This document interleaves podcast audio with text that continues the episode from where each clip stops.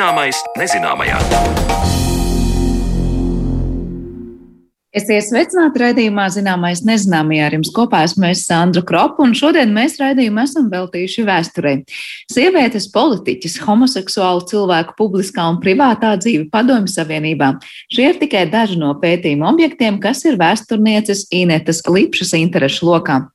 Viņa arī ieguvusi 2021. gada vēsturnieka titulu. Par varas un cilvēku attiecībām Latvijas vēsturē runāsim jau pēc brīža, bet pirms tam aicinu iepazīt kādu unikālu vēstures grāmatu, kas iepazīstina lasītājs ar teju visu, kas paveikts Latvijas arheoloģijā. Apjomīgo izdevumu Latvijas arheoloģijas rokas grāmata Latvijas Zinātņu akadēmija ir atzinusi par vienu no aizvadītā gada nozīmīgākajiem sasniegumiem zinātnē. 3,5 kg smagās grāmatas tekstu izstrādē piedalījās visi šodien strādājošie arheologi, paleoģeogrāfi, paleobotāniķi, numizmāti, bioarheologi un vēsturnieki. Pavisam 48 autori. Mana kolēģe Zana Lāca Baltāksne kopā ar izdevumu atbildīgo redaktori, vēsturzinātņu doktori Gunita Zariņu ieskatījās šajā grāmatā.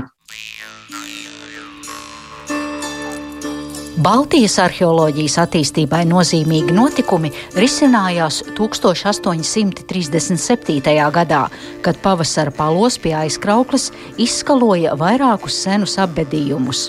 Ziņa par atrastajām senlietām sasniedza Krievijas caru Nikolaju I, kurš izdeva pavēli visu vidzemi, kurzemi un sāmsalu arheoloģiski izpētīt un šo uzdevumu veica tērpats profesors Friedrichs Krūze, kurš iegūtos rezultātus publicēja apjomīgā darbā Nekrolivonika.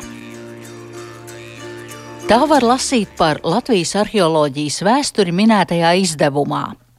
Pērn aprīlī klajā nāca šis milzīgais sējums, kuru Latvijas Zinātņu akadēmija ir atzinusi par vienu no aizvadītā gada nozīmīgākajiem sasniegumiem zinātnē. Vairāku speciālistu piecu gadu darbs ir apkopots Latvijas arheoloģijas rokas grāmatā. Izdevumā, kuram pēc savāktās informācijas un apjoma gan vairāk pienāktos apzīmējums enciklopēdija. Tā teica Latvijas Vēstures institūta pētniece, izdevuma atbildīgā redaktore Gunita Zariņa, kura īpaši uzteic grāmatas bagātīgās ilustrācijas un māksliniecisko noformējumu nepārvērtējams mākslinieka Mārtiņa Plotkas darbs. Un pusgada sava laika ieguldījums, maketējot katru attēlu, pārstrādājot kartes, pārzīmējot un ar ārkārtīgi tādu nacionālu patriotismu piestrādājot pie šī darba. Šo izdevumu dēvē par Latvijas arheoloģijas rokas grāmatu. Vai tas nozīmē, ka tas ir domāts tikai nu, vēsturnieki, arheologi var izmantot, vai arī lasītāji, kuriem interesē Latvijas vēsture? Mm, tas nosaukums rokas grāmata, kāpēc mēs nenosaucām viņu par enciklopēdiju, jo zināmā mērā viņi varētu arī pretendēt uz šādu nosaukumu. Mēs gribējām tieši tāpēc, lai tā ir rokas grāmata, ka tā ir katram latvietim, katrā ģimenē lasāma, izmantojama, bērniem parādāma. Jaunieši var tur savus nākotnes plānus, teiksim, saistīti ar šo jomu. Jā, grāmatā ir mēģināts aptvert arheoloģijas virzienus, arheoloģijas nozares, arī pārējās nozars, kas ir saistītas ar arheoloģiju. Šodien arheoloģija ir ārkārtīgi starpdisciplināra joma. Tas ir vesels zinātņu komplekss, kas apkalpo teiksim, arheologu viņa izrakumu materiālu interpretācijā. Tie ir gan ķīmiskās laboratorijas, gan numismāti, gan bioarheologi, gan paleoģeogrāfi un paleoekologi un paleobotāni botaniķi un geologi. Tas ir ļoti nopietns, eh, vesels zinātnes komplekss, kas ir ap arheoloģiskajiem atradumiem un to interpretāciju pašreiz. Viens no pirmajiem tikai medicīniskajām vajadzībām paredzētajiem rīkiem, kas Latvijā lietots no 12. līdz pat 20. gadsimtam, ir instruments asinsvadu atvēršanai, jeb tā sauktais ādercirtnis. Tādi visbiežāk ir atrasti pilskalnu un apmetņu kultūras lānī. Asiņu nolaišanu ar ādercirtni iedurot asinsvadā veica dažādu slimību gadījumos. Ar to visbiežāk nodarbojās pirtnieki. Bet te ir arī jāpiemina, ka te nav tikai par arheoloģiskajiem atradumiem, par vietām un lietām, kas arheoloģiski ir pētīts, bet arī Latvijas arheoloģijas vēsture. Es saprotu par pirmajiem arheologiem, kuri mūsu teritorijā, kā te pēc satura rādītāja var lasīt, tas ir Krievijas impērijas periodā līdz mūsu dienām. Ja?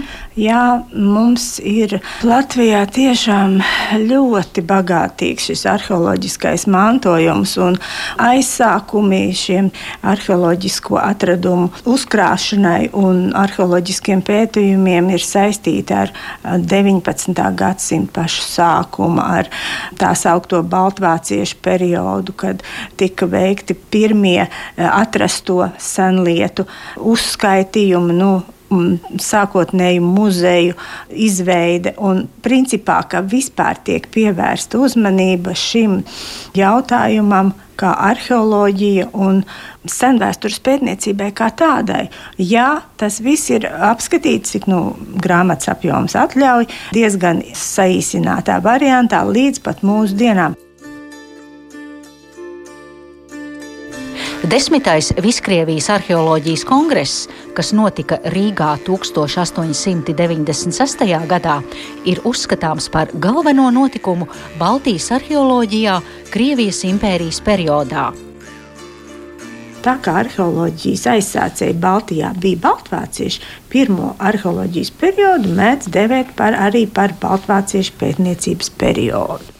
Tie bija turīgi cilvēki, baroni, kuriem bija laiks nodarboties ar kaut kādu mantu meklēšanu.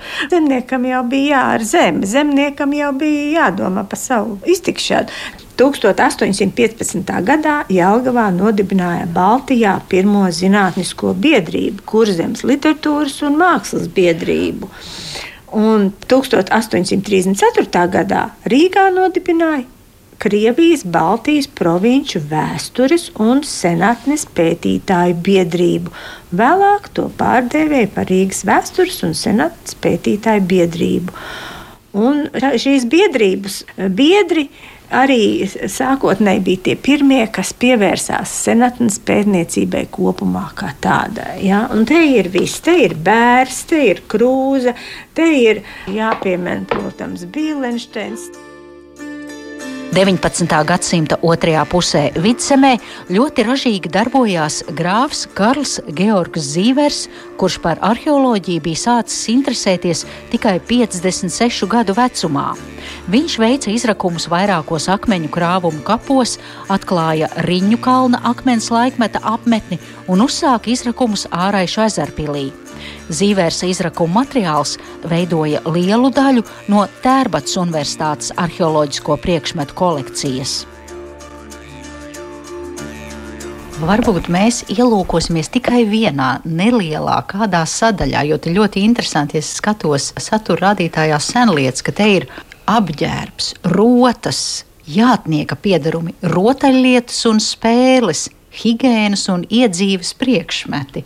Senlietu nodaļa, manuprāt, jebkuram lasītājam ir viena no liekas, saistošākām.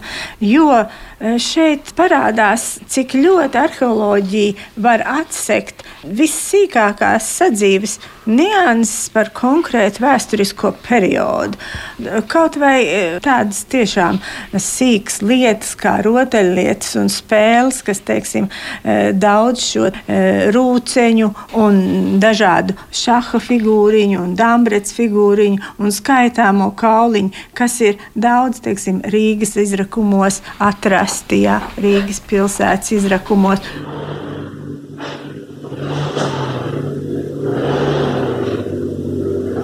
Rūceņi Latvijas arheoloģiskajā materiālā sākot ar 11. un 12. gadsimtu viena no izplatītākajām bērnu rotaļlietām ir kaula rūcenis. Tas ir darināts no cūkas vai sīklopa falangas kaula, kam vidū ir izurpts caurums. Caur šo caurumu izvēra sasieto auklu, kuras cilpas uzāķēja uz abu roku pirkstiem un pēc tam cieši savirpināja. Tuvinot un attālinot plaukstas, kauliņš griezās, izdodot vibrējošu skaņu, pēc kuras tas arī nosaukts par rūceni. Šī rotaļlieta ir atklāta gandrīz visās Latvijas teritorijā pētītajās vēlā dzelzs laikmeta beigu perioda un viduslaiku dzīves vietās, galvenokārt 12. un 13. gadsimta slāņos.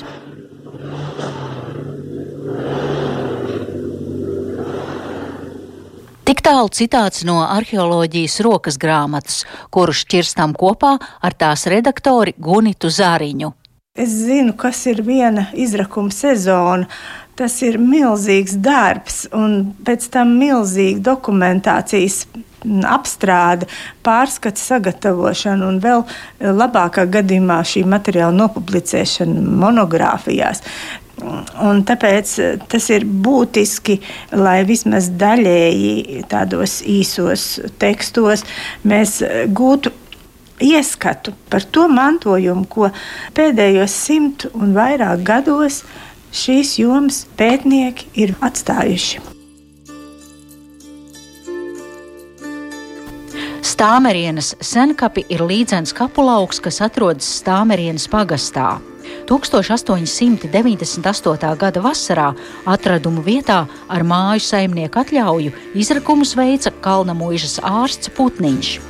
Izrakumos iegūtās senlietas ir tikušas deponētas Rīgas Latviešu biedrībā, bet vēlāk nodotas etnogrāfiskajā muzejā. Ievērojamākais atradums starp šiem materiāliem ir gandrīz pilnībā saglabājusies villaine ar iaustu bronzas gredzentiņu veidotiem ugunskrustu rakstiem un rakstainām malu celainēm. Stāmerienas villaine ir greznākā un tehniski sarežģītākā šāda veida villaine, kas ir atrasta Latvijā. Dzirdējām sižetu par arheoloģijas enciklopēdiju, bet par kādām neparastām dienas grāmatām un marginālu grupu vēstures pētniecību saruna pēc brīža.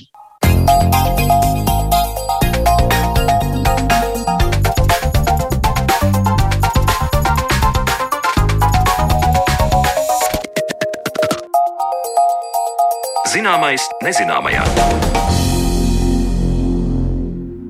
Vēstures izpētes un popularizēšanas biedrība par gada vēsturnieci 2021. gadā izvēlējusies Inetu Lipšu. Ineta Lipša savos pētījumos pievēršas sociālām tēmām, konkrētāk atstumtām, maz zināmām sabiedrības grupām, kuru iepazīšana var mums daudz stāstīt par sabiedrību 20. gadsimtā. Par to šodien arī uz sarunu esam aicinājuši vēsturnieci un Latvijas Universitātes vadošo pētnieci Inetu Lipšu. Labdien! Labdien! Inet, es pirms apsveikšu arī visu klausītāju vārdā, droši vien daudz pievienosies gada vēsturnieces tituls, tā tad ir godam nopelnīts, ar to arī sveicam. Gribēju jums paprasīt, es saprotu, jūsu vispār pētījumu nu, lokā nonāk, kā jau es minēju, šīs maz, varbūt pazīstamākas vai maz zināmas, atstumtākas sabiedrības grupas. Kāpēc tā un ko tieši konkrēti esat pētījusi? Tā galu galā, kad tā paskatās, tā sanāk, bet es pat nebiju tā iedomājusies, ka es tiešām, ka tiešām man pētījuma objekti sanāk, marginālas grupas daudz maz. Es domāju, nu tas tā atskatoties, tas laikam ir noticis kaut kā nemanot un nejauši. Ja es pirmo reizi Latvijas universitātē studēju vēstures fakultātē 90. gadu sākumā, un toreiz mums jau pašā sākumā bija tās kursa darba tēmas tādas diezgan centralizētas, kur pasniedzēji mēs katru gadu rakstījām citā kursā, piemēram, pirmotnējā sabiedrība, tad viduslaiku vēsture un tam līdzīgi, un es toreiz specializējos viduslaiku vēsturē. Es atceros, ka pirmais kursa darbs bija vispār par itelmeņu un korjaku, uh, pirmotnējo sabiedrību pie, pie etnogrāfas Leinas Sāras, un pēc tam es pie viņas paliku un atceros vienu no nākamajiem kursa darbiem bija dzimumu totēmi latviešu tautas dziesmās. Līdz ar to acīm redzot, man tā interese šajā virzienā ir, ir izveidojusies bijusi jau 90. gadu sākumā. Bet kāpēc tas tā, tas tā ir noticis? Man, tagad man būtu jā, jāsac ar kāda leģenda, ja es tā godīgi sakot, nevaru pateikt, kāpēc tas tā ir noticis. Toreiz arī 93. gadā es savu diplomu darbu aizstāvēju viduslaiku vēsturē, un man, mana tēma bija, toreiz arī mācījos arābu valodu.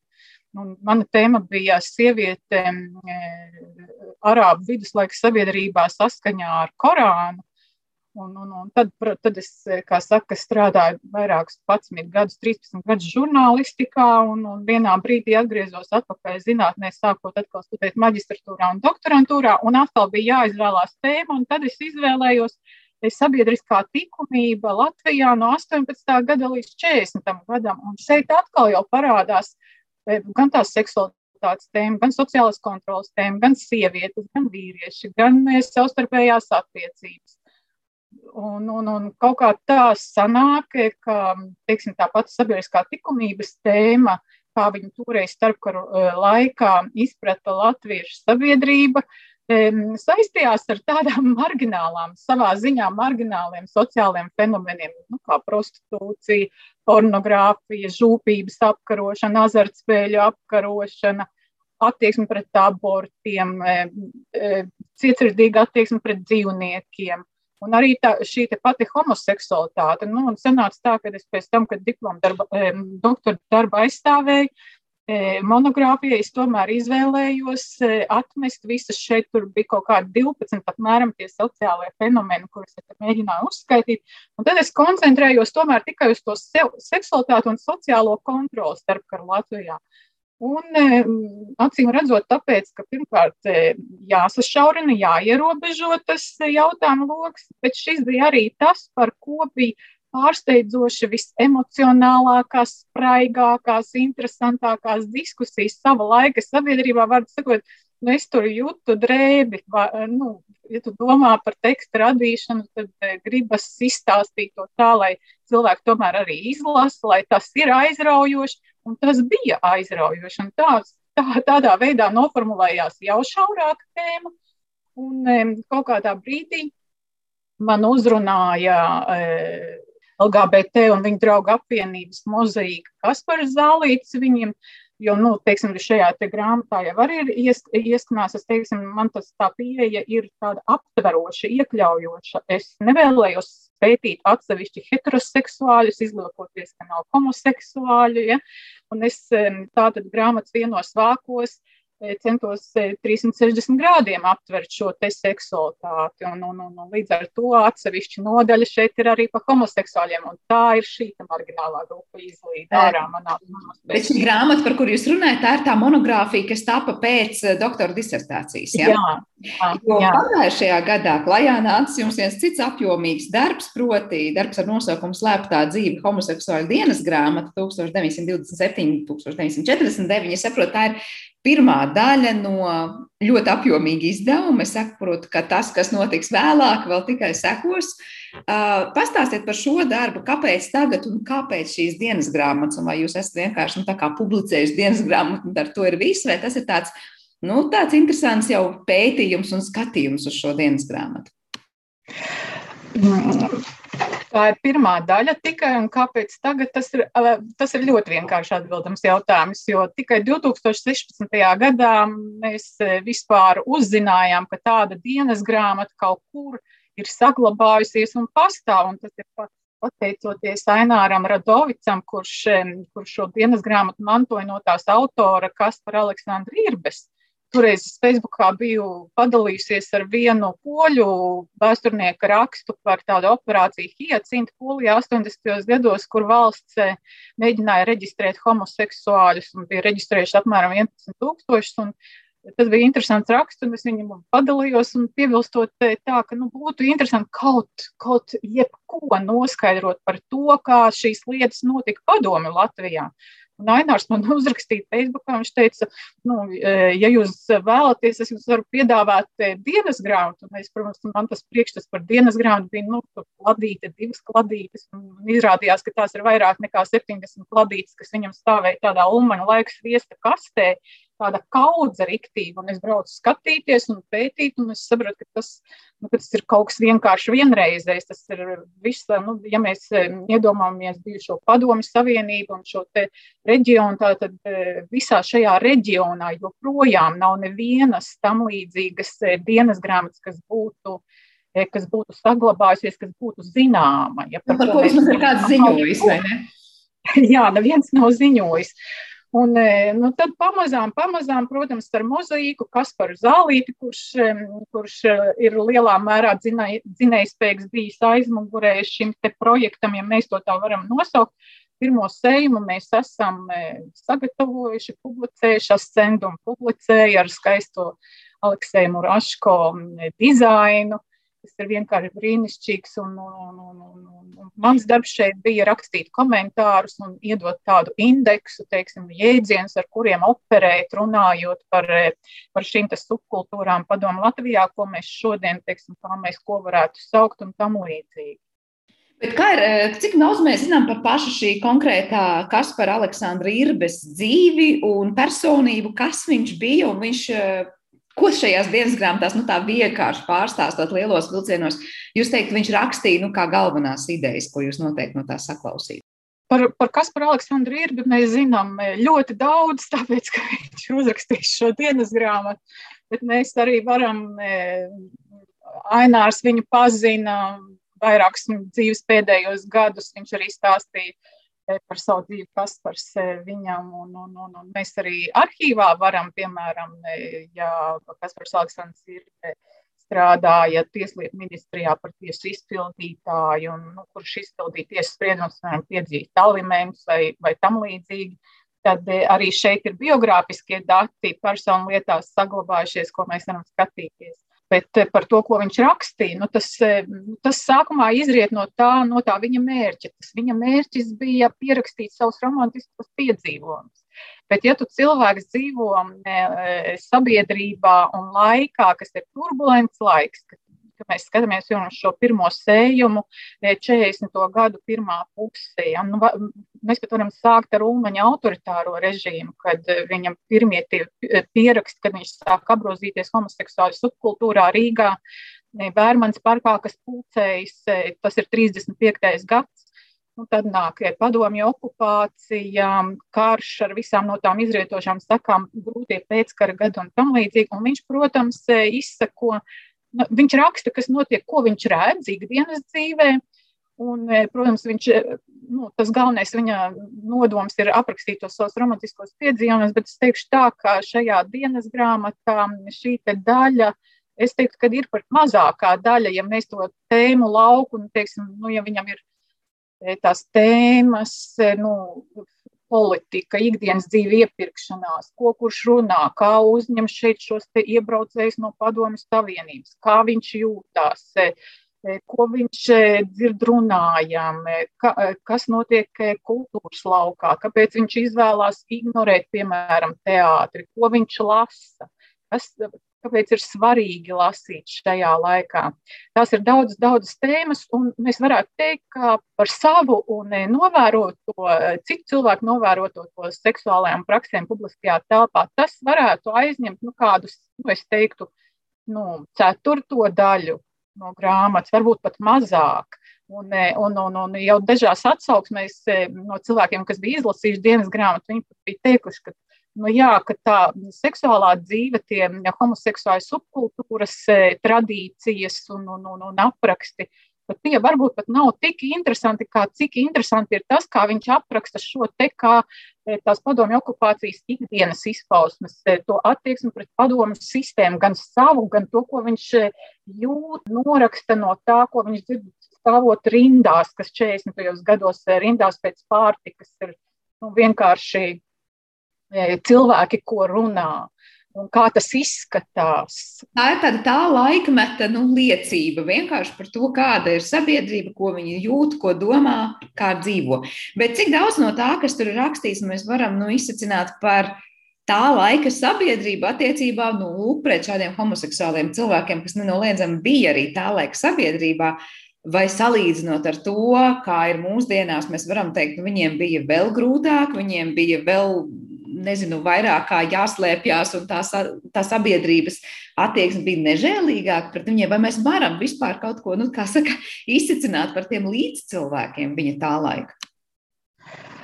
Tas, protams, ka mēs varam kaut ko izsacināt. Ja mēs skatāmies uz šo pirmo sējumu un, un, un arī nu, vispār uz dienas grāmatu kā tādu, arī tiem, to, to daļu, kas nav vēl publicēta, tad nevarētu teikt, ka sabiedrība vismaz tādā veidā, tas, ko viņš apraksta, nekādā veidā mēs nevaram izdarīt secinājumu, ka sabiedrība tolaik bija nežēlīgāka īstenībā tas viņa vēstījums, e, tas saturs ir savā ziņā šokējoši, pārsteidzoši, jo nu, tu gūsti to priekšstatu, tu, tu tiec ierauts tajā homoseksuālajā subkultūrā, kas e, pārsteidzošā kārtā tieši staļinisma gados ir nu, burtiski plaukusi un zēlusi vismaz pēc irbes stāstiem. Un tas sabiedrības tiešā attieksme dienas grāmatā nu, nav novērojama. Viņa tādos sekundārā plānā dažreiz izlien, kad, piemēram, viņa draugu ar iesauku baroniete 60. gados šķiet ir, ir sadūris kāds, nu, tā kā mīļākais vai, nu, vienkārši, nu, gadījuma, gadījuma seksa partneris, tad viņi tur savā lokā apspriež, un tad ir bez draudzene, kas ir sieviete notāre, E, un viņa tā kritiski izsakās par to baronieti, ka nu, tā, tad izlaidīgs un tam līdzīgi. Un tad Irbe viņu māca, ka nu, tā, nu, tā nedrīkst teikt, ka cilvēki dažādi un, un, un, un, un, un, un māca vārdu sakot, ko viņš ir izlasījis rietumu seksologu grāmatās par to, ka homoseksualitāte kā tāda pastāv, ka to nevar nosodīt, ka cilvēki tādi ir un tam līdzīgi. No tādiem fragmentiem, no tādām situācijām mēs saprotam, ka, protams, sabiedrībā bija šī te, nu, nosodošā attieksme, bet mēs nekādā mērā nevaram secināt, cik lielā mērā tā bija un tam līdzīgi. Jo arī, teiksim, teiksim, mēs tagad LZT projektā, ko esam ieguvuši, sākuši esam pētīt vienzimumu seksuālās subkultūras padomu Latvijā no 54. līdz 91. gadam.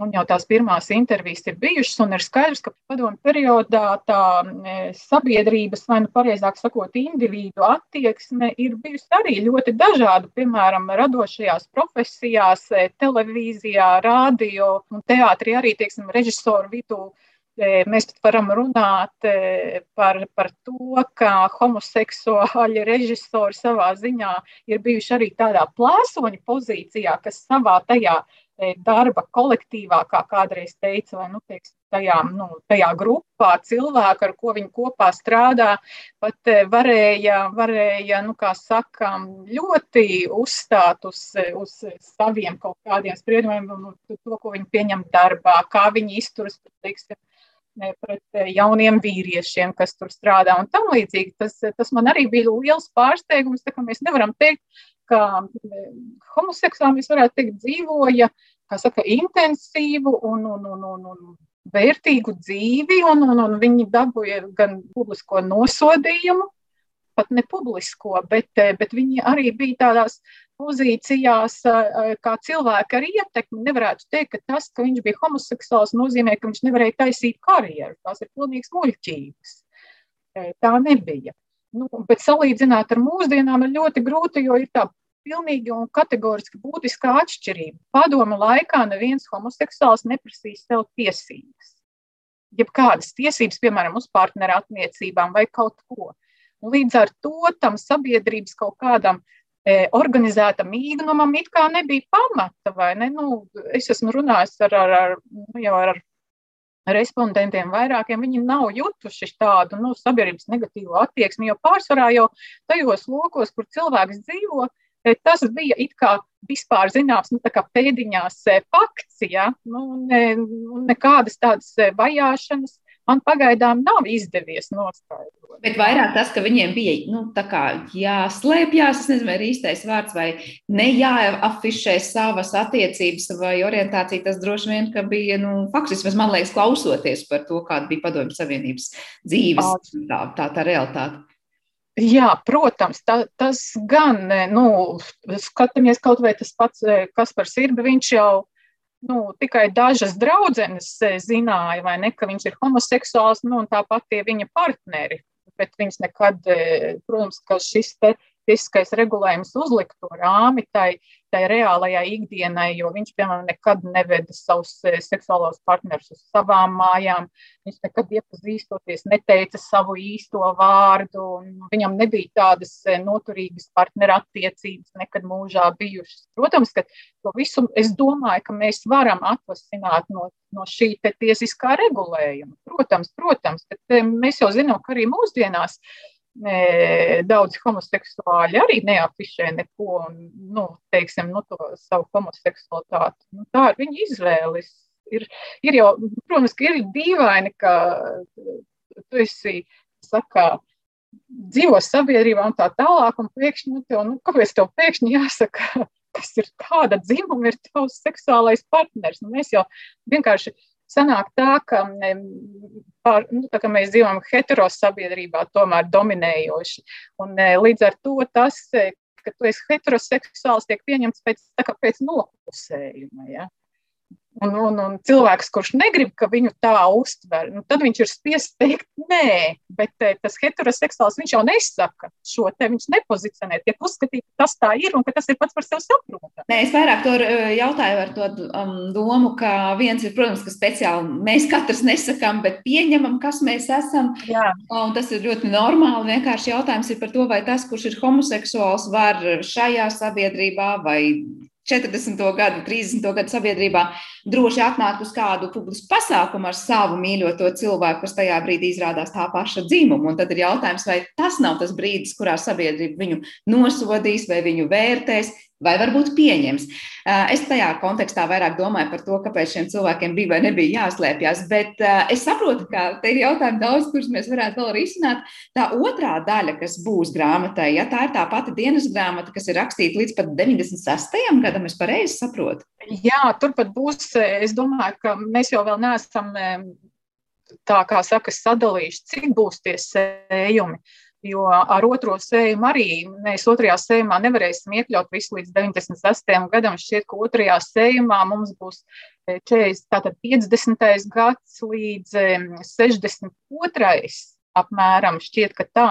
Un tas apjoms, lai gadi ir mazāk ne, nekā šajā pirmajā sējumā, tā kronoloģija ir īsāka, tomēr tas teksts ir plašāks, ir vairāk, kā saka, zīmju, viņš ir apjomīgāks. Un, Un, un, un, un, un, un tur, ir, tur parādīsies ārkārtīgi interesants jau detaļas par to, kā, nu, kā teiksim, tā padomju sistēma izpaužas tajā dzīvē. Un es mm, domājot par to otro sējumu, es saku, ka nu, tas ir.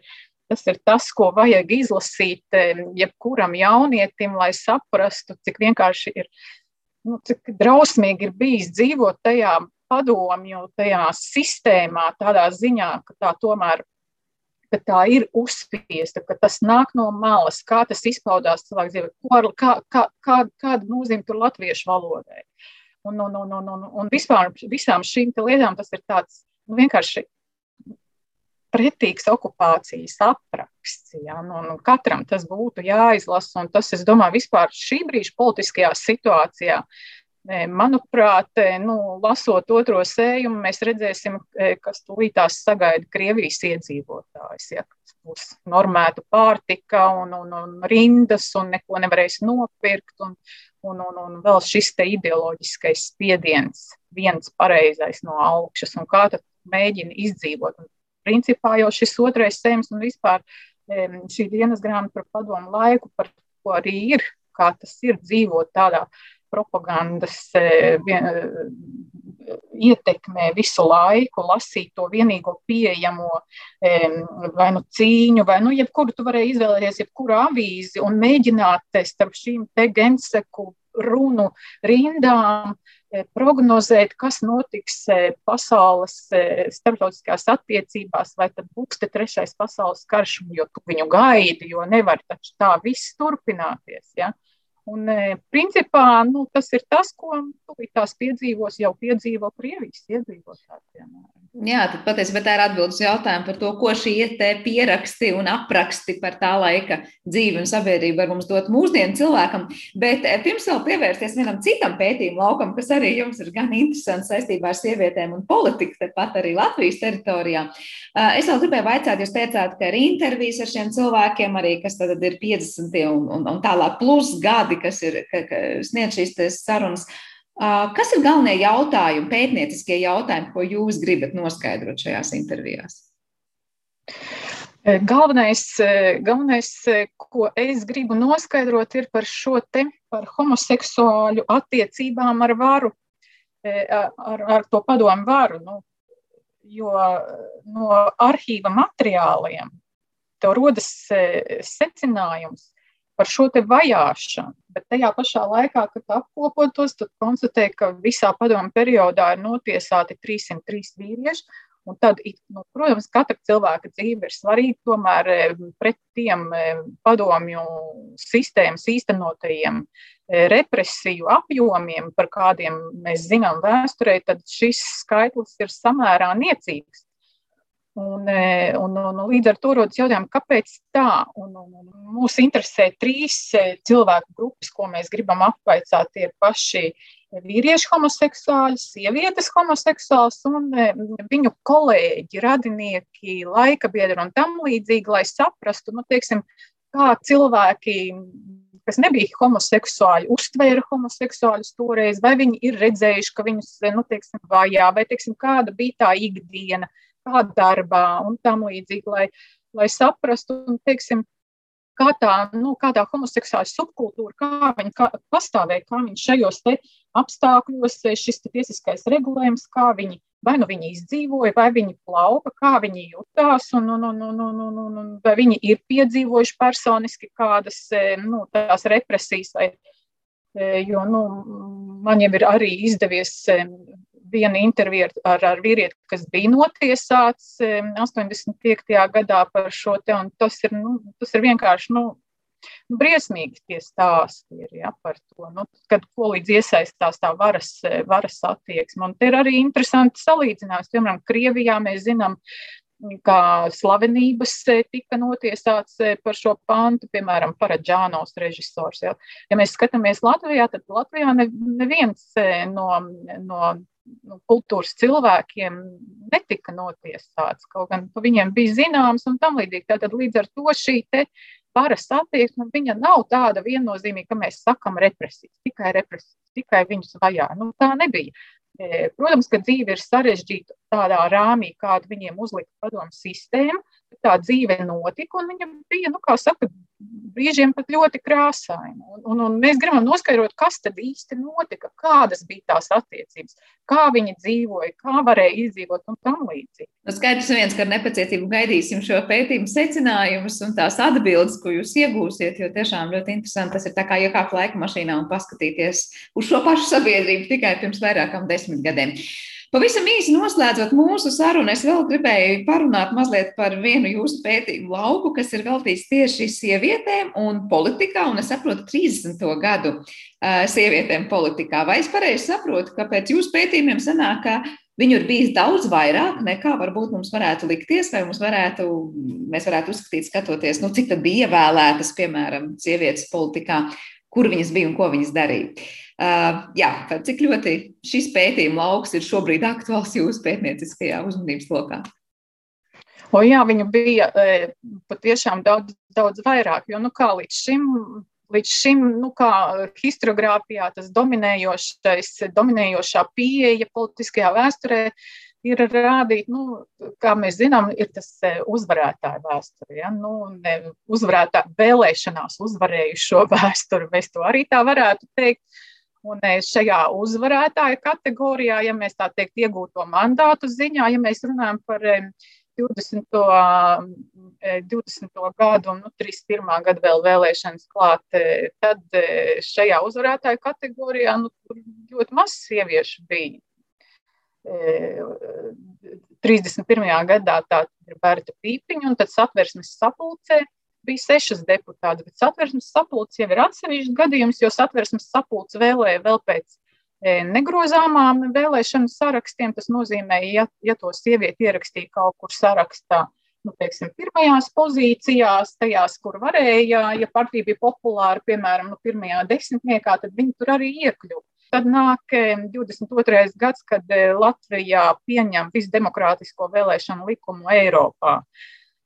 Šķiet tikai vēl vienā valstī, un arī netik, netik demokrātiskā Latvijā bija šis princips, tas sauktais grozāmo listu princips, grozāmo sarakstu princips, kas ir nu, atšķirībā no mūsdienām, kad mēs varam konkrētā izvēlētajā sarakstā izsvītrot vai pielikt kādu krustiņu sarakstu. Tad Latvijas laikā, šajā no 22. gada, tātad visās saimās, no 22. gada līdz 31. gadam vēlēšanās, kas notika, bija tas princips, ka tu tajā sarakstā, ko tu esi izvēlējies, tu vari pierakstīt jebkuru kandidātu, kas tev patīk no citiem sarakstiem.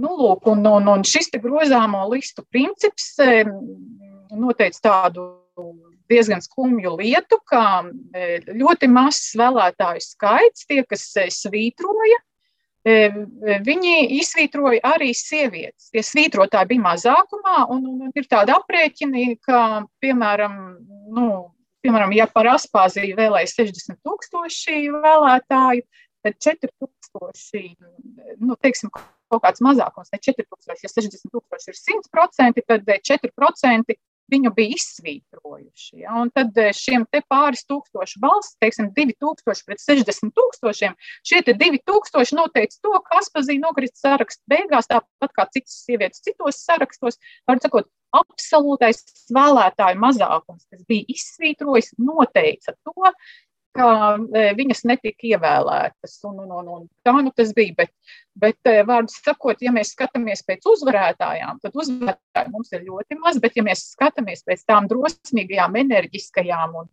un neatlaidīgajām, e, kas kandidēja sarakstos, tad šis skaits palielinās ļoti, ļoti lielos mērogos. Un 31. gads vispār man bija pārsteigums, jo es tagad skatos to politisko, politisko vēsturi tādā klasiskā vēstures izpratnē, lai uzrakstītu vienkārši to stāstu, narratīvu, chronoloģiski, kā kas notika, e, pateicoties Eberta fonda atbalstam, un, un šogad arī cerams iznāks grāmata, vismaz mēs esam tā plānojuši.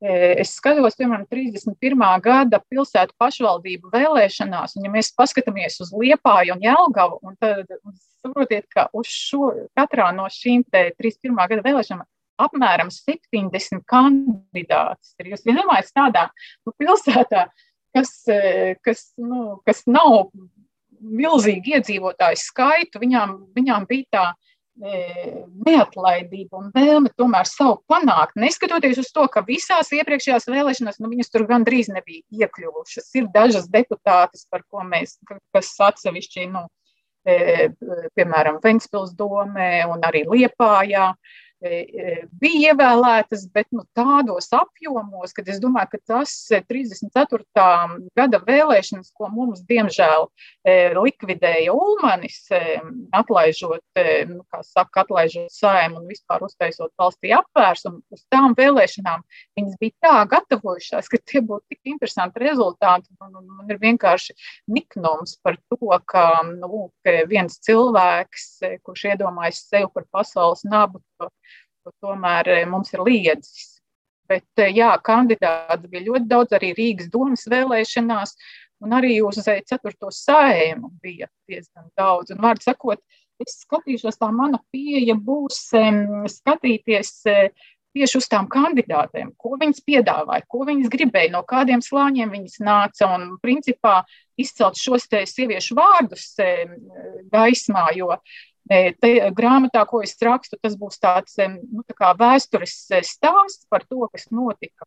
Nu, nekoncentrējoties uz vārdiem, bet šos sieviešu kandidātu vārdus, to jau, to jau savukārt citā projektā, Literatūras folkloras mākslas institūtā, sieviešu vēstures izpētes projektā, kur datu bāze jau ir internetā visiem pieejama. E, tur šos te sieviešu vārdus un īsas biogrāfijas e, mēs cenšamies atklāt. Un, un, un, un tā doma ir tāda, ka jebkurš cilvēks, nu, tur savas vecmāmiņas vai vecmāmiņas var atrast un, un varbūt un, un, un, un nav pat iedomājies, ka viņa varētu būt bijusi kādreiz politikas aktīviste. Un, un tos dzīves datus jau ir ļoti grūti šīm sievietēm atrast, jo viņi, viņas nav bijušas tādas uzvarētājas, kā saka, Jā. kurām raksta encyklopēdijās un tam līdzīgi, ja, bet viņas ir bijušas neatlaidīgas dzīvotājas un izdzīvotājas.